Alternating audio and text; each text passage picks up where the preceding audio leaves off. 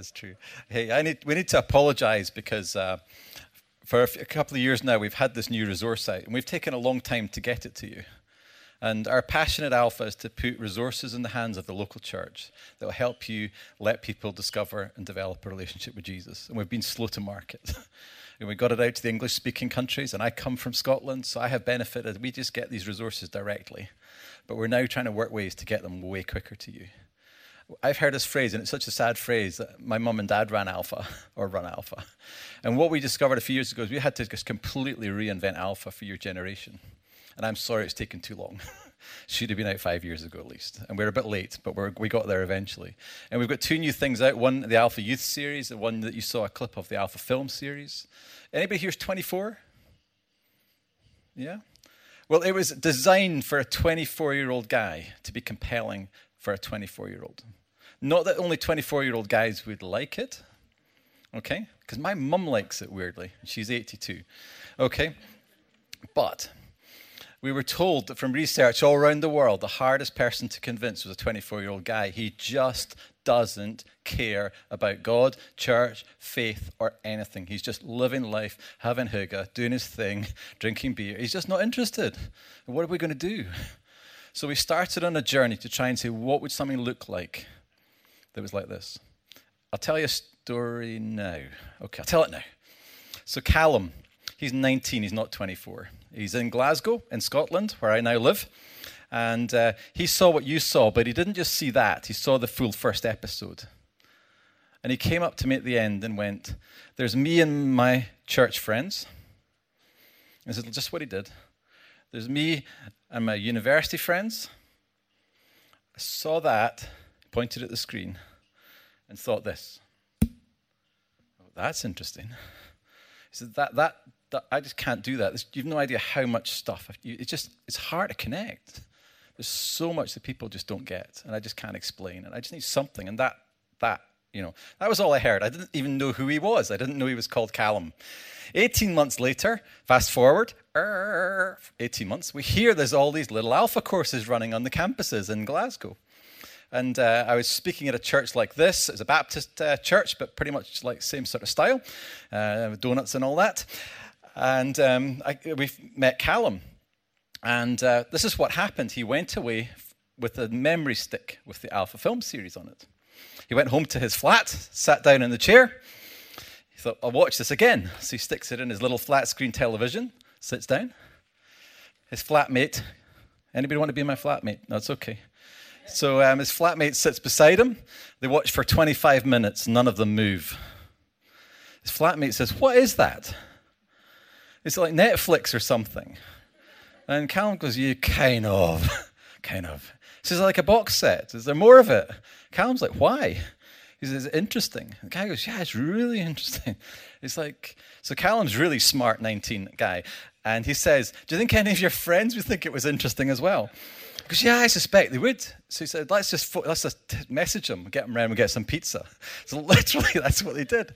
And um, what, fast forward again a little bit. So they got they decided that they would just try challenge each other to see how many little alphas, viral alphas, they could get running on campus.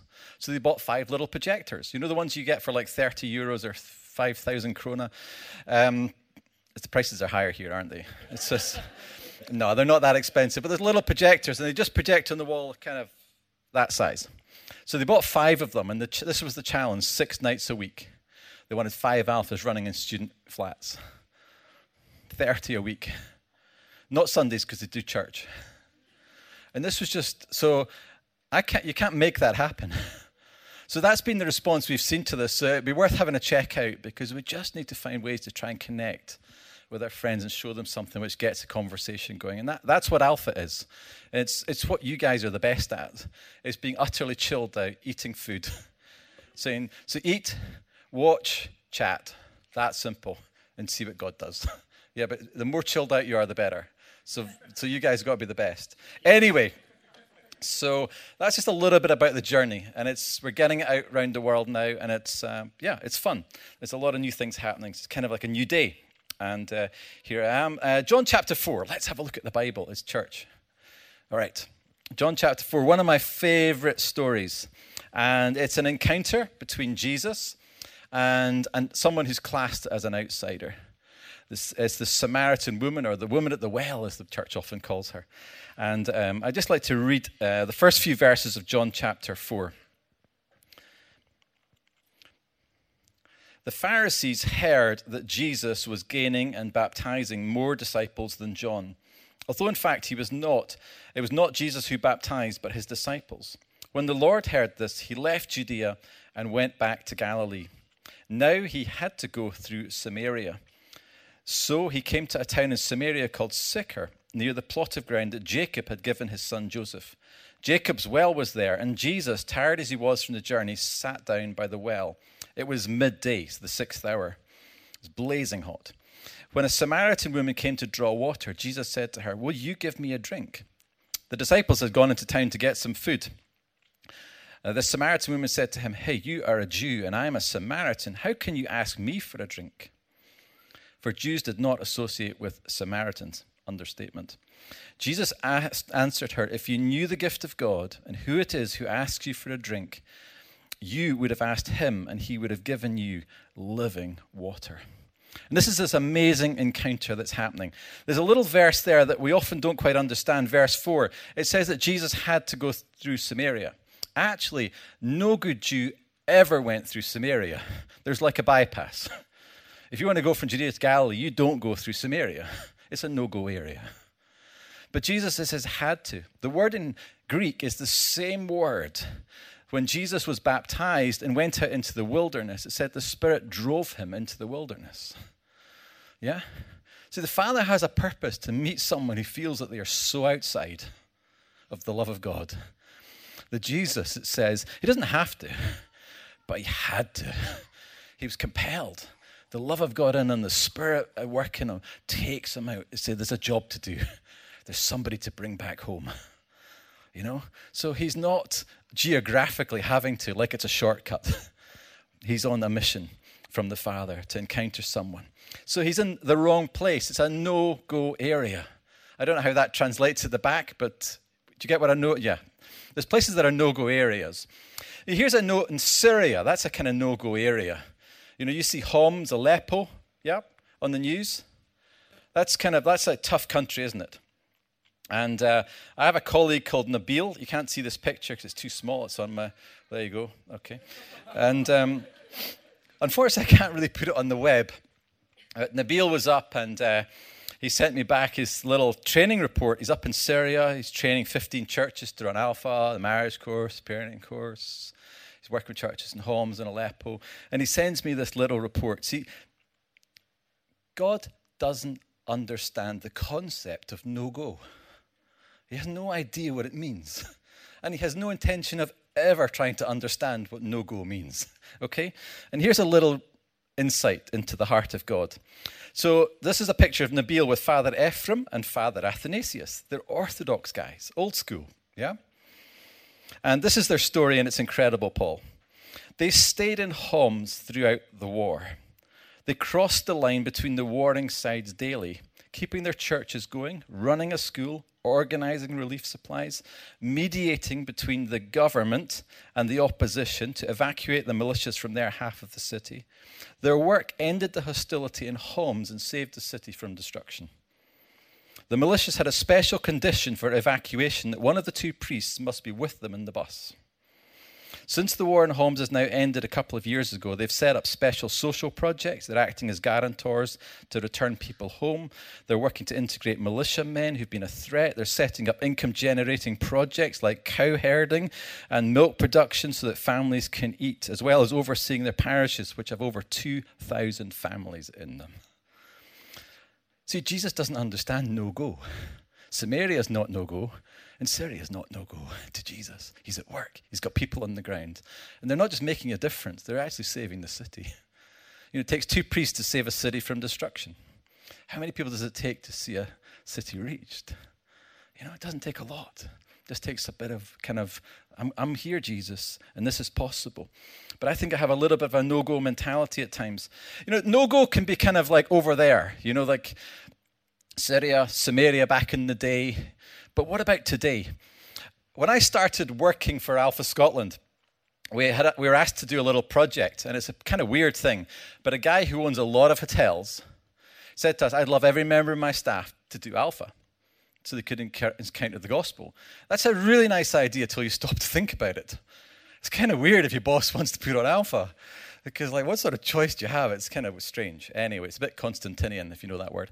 And um, so we said to him, well, if we could soften the impact, we maybe could do this. We could ask the local churches near the hotels to put on the alpha, and then like the staff could sneak in.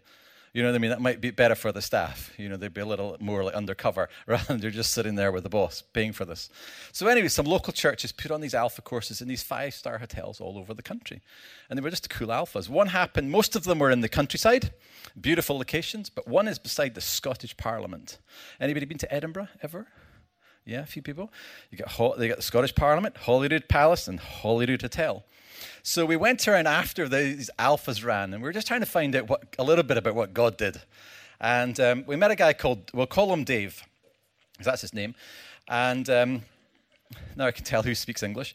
Uh, and Dave was, um, he's, I think he's about 28 maybe. He's got, he's, you know, his open neck shirt, really nice suit. I mean, I think that's not department store. That's like Armani or something, you know. And uh, yeah, he said he came on the Alpha, and I thought he had no clue about faith at all, like totally no clue. And he says, I had no idea about Jesus at all. I had no idea. So I went back to work the next day, and people say, like, anybody doing anything? Anybody out last night? Said, yeah, I went to this weird thing at the hotel, and they're talking about Jesus. So they have this massive conversation in the office.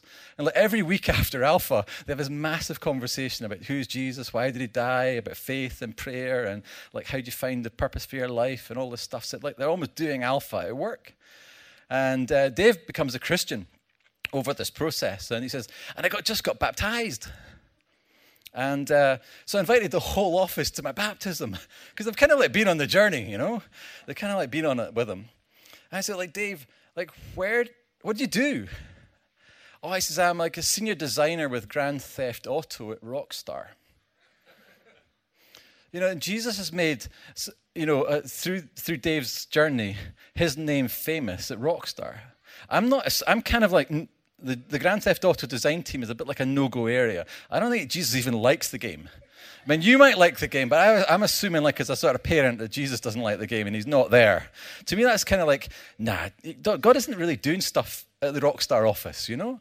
But the thing is, like, Jesus is having a party down at the Rockstar office, you know, and the, basically, Jesus has become the talk of the office for 10 weeks, you know? And he's come to faith, and there just aren't any no go areas. Yeah. And that's what we read in this passage. Samaria is not off limits. Nothing is off limits if we're willing to get involved. The second thing we see in this passage is the lady's kind of attitude. And she's like, We shouldn't be talking. Not me. I'm a no go person. This is not just a no go area, I'm a no go person. Yeah, I'm outside this. You guys have your way of doing it, I have my way. I think a lot of folk feel like that these days. That's, that's okay for you but not okay for me. You just let's keep this distinct. let's keep a barrier here. I'm a no-go person. I'm not sure I can be encountered by you, Jesus. Not sure. I'm not sure at all. But Jesus isn't going to take that because he doesn't understand no-go people either. You know, when the disciples come back later on in the passage, what we basically find, they look and they go, they don't say it, but they're thinking it, and it's written on their faces like, why are we really here? And why are you talking to her? And they're saying, not here, not her for sure. Not her for sure for far more reasons than just the fact she's a Samaritan. Her life is not moral. yeah? Her life is well off the plot. I had um, um, a colleague in Aberdeen at City Church where I was pastor, and Steve and I didn't come from the same background. Steve was uh, from, a, let's say, a really tough government housing scheme in England outside Middlesbrough. They invented ram raiding, which is like taking a JCB to take bank, you know, ATMs home with them. You know what I mean? Like, things like that. So Steve and I came up really different parts of the world, you know, and. Uh, then Steve was kind of like much more engaged. My kind of idea of holiness and church was like holiness is like from. Steve kind of understood holiness was like two because he went to a nightclub at the age of 18 and a girl came in and told him about Jesus. He'd never, he'd never heard about Jesus in his life. And he said, Who is he and what is that about? He grew up in a scheme which was so no go. Nobody was, you know, out of Steve's 12 school friends, 10 were dead when I knew him. And only one of them was alive. Yep, through all the way they lived glue sniffing, solvent abuse, crime. You know, that's the kind of place Steve lived in. But because he, so he went to a nightclub and he went to London to get away from this. And the first club he sat in on the first night, these two girls came into the club and started telling people about Jesus. He had never heard, and he said, Well, what would you do with that? And th- this girl said to him, Well, you just get on the ground and say a prayer. And he did. and then from that, he went to Bible, you know, totally you know, how random is that? But see, Sharon didn't understand no go. Then she married him, which is even better. And uh, the stories don't always end up like that. There's another one that maybe does later. But this is like this no go. So Steve and I are really, really different in our view. He's, he's like understands I could be totally engaged and what I've got is going to smit. I'm a little bit, because I've grown up in the church, a little bit, if I get too close, I'm going to become like that. So Steve suggests, because we live really close to each other in Aberdeen, that we could uh, help out at the local bar. In our area, there's this kind of community bar, and a thing comes around saying, We need bar staff. I have never pulled a pint in my life. You know what that means? You know, pulled a beer. Yeah. I don't know. How do they do that without the stuff going out the top? You know, I don't know. But Steve said, We should volunteer. I'm thinking, like, I'm a pastor. This is going to kill my reputation with my pastor friends who don't drink, you know? When I grew up, all we understood was what you don't do. Yeah? I just wasn't sure what we did do which was like transform cities and call them to life. You know, I had no idea about that side of life. You know, I just thought we don't do this and we don't do that. And We don't do a lot on Sundays. Sunday's pretty dull, actually, strange. But Steve didn't understand that. So anyway, we went on the bar and we started to pull pints. We had a blast. I had a blast. We used to have the most interesting conversations oil engineer would come off the oil rig, come home on a Friday night, you'd be on the bar, he'd come in, F and hard week or whatever, that translates well. And you're thinking, yes, that's right, yeah, yeah, yeah. And he'd tell you some stories, some stuff that had happened, yeah, yeah. yeah. So you, you have a chat, and then he says, um, I don't know you. I said, no, I don't know you. He says, what do you do? So I'm a pastor of a church. so I, I didn't say all of that. so we had some great fun. But eventually the whole area knew Steve and I, everybody. We were totally outed as Christians. And it was a lot of fun after that. And they used to invite us to the parties to do the bar. So, you know, when you guys are on, we behave better. Not because we have to like behave like Christians, but we just behave better. It's just actually more fun.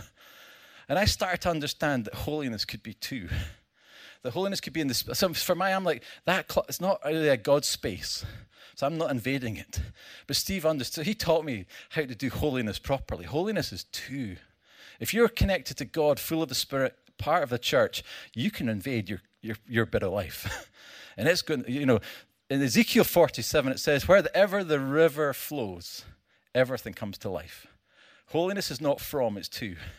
And the enemy wants to sell us a lie that we need to stay out in case we get, and actually, if we get out, the enemy would keep us in, because if we get out, stuff's going to happen. Because he's got a heart of compassion. And it's compassion that drives Jesus out to this lady. There's another story where Jesus feeds 5,000 people and he's got these little loaves and the fish. There's a little detail at the start. It's in one of the Gospels, but not all of them.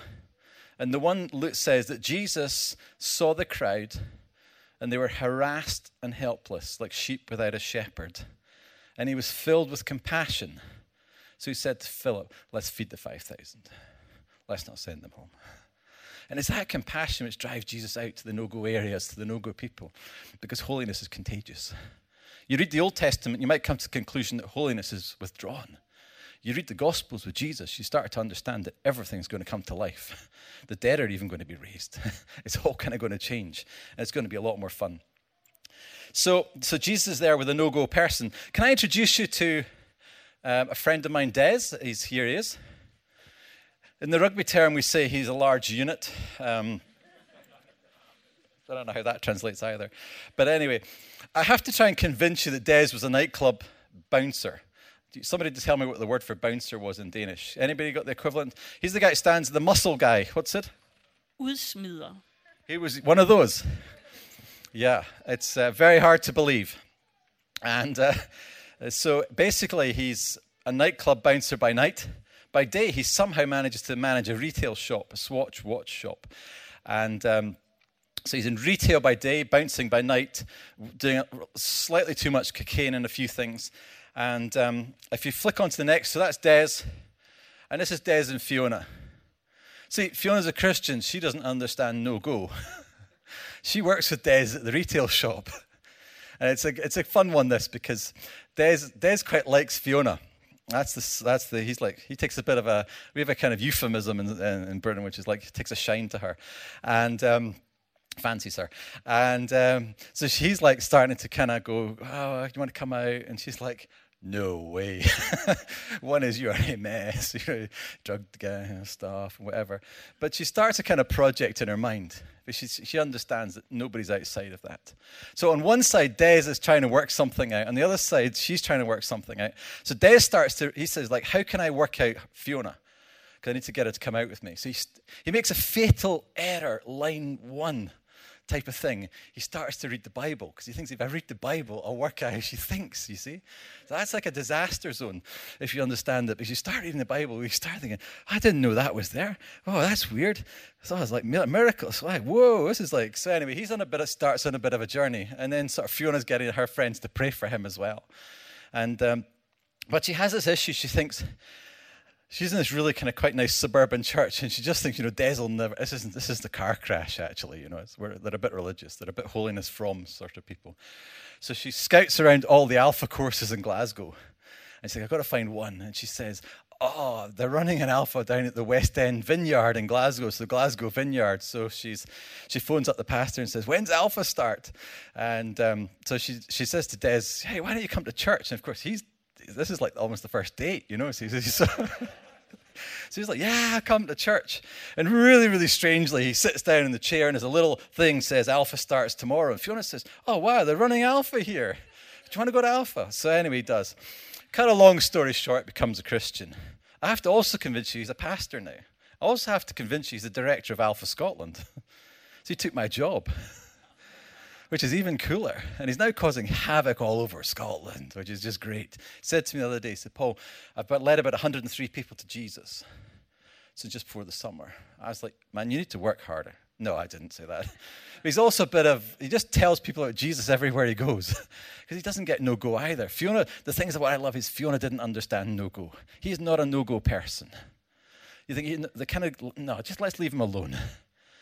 But she's driven with that compassion. She sees what Jesus sees and goes, actually, it ends quite well. They marry, they've got a couple of the kids, and it's a really sweet thing. Oh, there we go. But I didn't mean both stories to end like that anyway. But, uh, but you know, it's, if we get into this space, if we catch the heart of God, then you've just no idea. I've been learning this in the last little while. I'm kind of busy at the moment. Um, got a few things on. And the trouble with that is you get into a mindset know, I'm sitting in the plane and the guy's like, Will I put the blind up or down? Do you mind if I, you know, and, and I can tell he's wanting a chat. But I've got like all these talks to do and stuff, you know, when I get to places like Austria this week. And I, and I just know God says to me, make time, talk to the guy. And I just go, I don't really want, you know, I don't really, I just not now. Not now. And I think there's the three things in this story. There's the not here, not her, uh, you know, and not now, some other time. You know, it's maybe like Fiona could say, when it's the better me, when I'm feeling more like full of, let's put it off. And in this story, it ends up, and we don't really have time to, to read it all, but it basically ends up in a really interesting space because the lady, her, her, do you know why I was telling the story about the bar? Because a guy came to me in the bar in Aberdeen. And, you know, he says, oh, he tells me about his lifestyle. His lifestyle was pretty like the lady in this passage. And he said, I'm going out with this other lady in like uh, Thailand. And this is like really dodgy stuff. You know what I mean? And as I'm thinking maybe marrying her, would you marry her? You know, could you do the wedding? Because you're a pastor. and you know what I mean? When you get into this space, it's an interesting thing. But, this, but that's the same thing happening here. You know, it's much easier when you read the Bible to think it's okay. And I'm saying, well, let's, I need to think about this, man. We need, but we had such a good relationship, we could talk about that. So maybe some things we need to talk about first, you know? and it's, but so, anyway, she's so understood by Jesus. And he says to her, Look, this is your life. Look, you've had lots of men. This is a, like, I know, I understand your life's not moral, but I'm not rejecting you. And she is so welcome, so brought in, so experiences the love of God that she goes out, she goes back to her hometown, and she tells the whole town. And the whole town want to come out and meet this guy. Why wouldn't you? So, and this is how I imagine the passage. This is extra biblical, by the way, Pastor Person. This is just my picture of it. So Jesus is standing there, and the disciples are gathered round, and they're basically saying, like Jesus, like, this enough. Samaria, we've had enough. We understand you talked to the lady. That's kind of okay, but let's go. And Jesus says, Look, the harvest is plentiful, the workers are few. The time is now. Don't put it off. Don't say X more months. It's now. And the disciples are looking at him, going, No, Jesus, let's just go. And I just picture Jesus looking over the disciples, looking over the back, and you can see the dust rising as the whole town is coming out to see him. You know, I just imagine he can see them coming, and he's telling them, The harvest is now like, turn around and look, because I'm at work, because it is here in the no go area. It is her. yep, not a no go person. And it is now, because God's always in the now. He's always been now. You know, when, when he was working in the past, it's today. He's working now. And it's the future, he'll be still, you know, and we can only engage him now. There is only now. God's eternally present to us if we want to just press in now and see what he wants to do. When you want to do something with God tomorrow, it'll be t- today. you know what I mean? There's only this moment to meet God. There's only this moment, and it's now. It's the thing. So I've been trying to say, God, help me to be more in the now. Help me to be more compassionate. Help me to get more space. And it's just not easy. I discover I'm really in a rush. I'm actually quite self absorbed as well. And um, because I've been busy, I kind of feel justified in this. You know, it's, uh, so I think, well, I've been busy, I've been away from home, my wife hasn't seen me so much. So we're on holiday, and I'm like, we go to this restaurant in, this, in Tallinn in Estonia, and it's like, we're going to have a nice meal together, it's to be really special. Restaurant's full apart from a table of six. So she said, either you sit there at the end of this table or there's no space. So I'm like, looked at Jillian, okay, we'll sit here, that's fine. So a, a lovely table for two became available. I said to the waitress, I said, oh, there's a table for two there. And because you know what's going to happen if you sit at a table for six, some other people are going to come and sit beside you, spoil the night. And, um, and the lady said, sir, that table is reserved. Two minutes later, of course, the family of four come in. Yeah? And a uh, nice Polish family, and they come looking around, think, oh, four chairs. Sir, can we sit beside you? I'm like, uh, yeah, like full of compassion, full of interest, and like, so my wife and I, I tried to ignore them, you know, largely. And I said, "Oh, you're from Scotland," because they were like listening into our conversation, you know. And um, I said, "How do you know that I'm from? I mean, how do you guys know I'm from Scotland? I don't know how you know. Anyway, they knew. I said, "We might be going to Edinburgh." Can you tell us some things? We're making a plan. I was like, oh, okay. And this just went on the whole night. And then it became a conversation. And then we got like deep.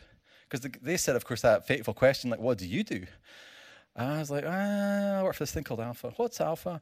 And I said, you have it in Poland as well, and the office in Krakow. And the guy I've got staff, I've got a business, we've got stuff. So we had a really big chat. And it got to the point that there's two couples there. There was the father, you know, the older couple, like me, and there was the son and the daughter in law, and they'd gone on holiday together. And the, and the father's like, he gets to the point where he's saying to me, Paul, do you know, this is the deal for me with all this stuff. This is where I'm at with faith. I we don't talk about this stuff, but this is where I'm at. And I'm like, man, we are in a moment. Have, I didn't want to even, I didn't want to have them at the table, you know? And I'm like, God, you know, the trouble is he knows them and he sent them. and I'm not that open you know? And it was really just, you know, God's making a plan and He puts me into it. And I'm just saying, God, can I get more into a space where I'm just a little bit more open? You know, can I just start to see with your eyes? Can I have more of your compassion? For the guy in the jet from Germany who's just wanting a chat because he looks like he's actually really lonely. And he just wants to chat. I think his life's quite sad, possibly you know, give card. And he said, yeah, in touch, you know, and I don't know where it's going to go, but it's more fun than just ignoring the guy. so that's the journey I'm on at the moment in this passage. You say, ah, geez, I really want to press into this and stop seeing this as like, not now, not them, not this guy, not this Polish force. No, what are they to me? You know, and not, not in this kind of space. And I love us. What about going on a journey like this? Here, you know, having some fun. Do a Callum, you know, do, I don't know. See what would happen if you did. You don't have to do alpha, by the way. It's all right. And um, if you want to do that, it'd be fabulous and see what happens. Let, let Karsten know what happens. But it's much more simple than that. And most of what we do is just about smiling. Do you know in Scotland, we smile on the inside? That's, I don't know if what happens, There's, people call it grumpy. And uh, they do it in Finland as well. I don't know about Denmark. You may be a little bit happier. All that hygge. And, um, but we pretty much smile on the inside. And just that you know, just that little bit of you know, and just engaging with people and just whatever. And I know you're good at this stuff, and it's just me talking to myself here, of course. But uh, what would it be like if we just said, Jesus, I'm open to some of this compassion. I'm open to being taken into situations. And, you know, just like, what would this week look like if, you know, I just sensed I need to just give some time to this person at the university or my class? What would be like if this person in the office or my, my, my sister back in Copenhagen or she phones and, um, you know, whatever. What would be like if we just tried to do something that Jesus might be doing and see where, because he's at work and we're joining in. We're just joining in. I'd love to pray. Is that okay? And um, are you too cool to stand? No, come on, let's stand. You've been sitting for a while.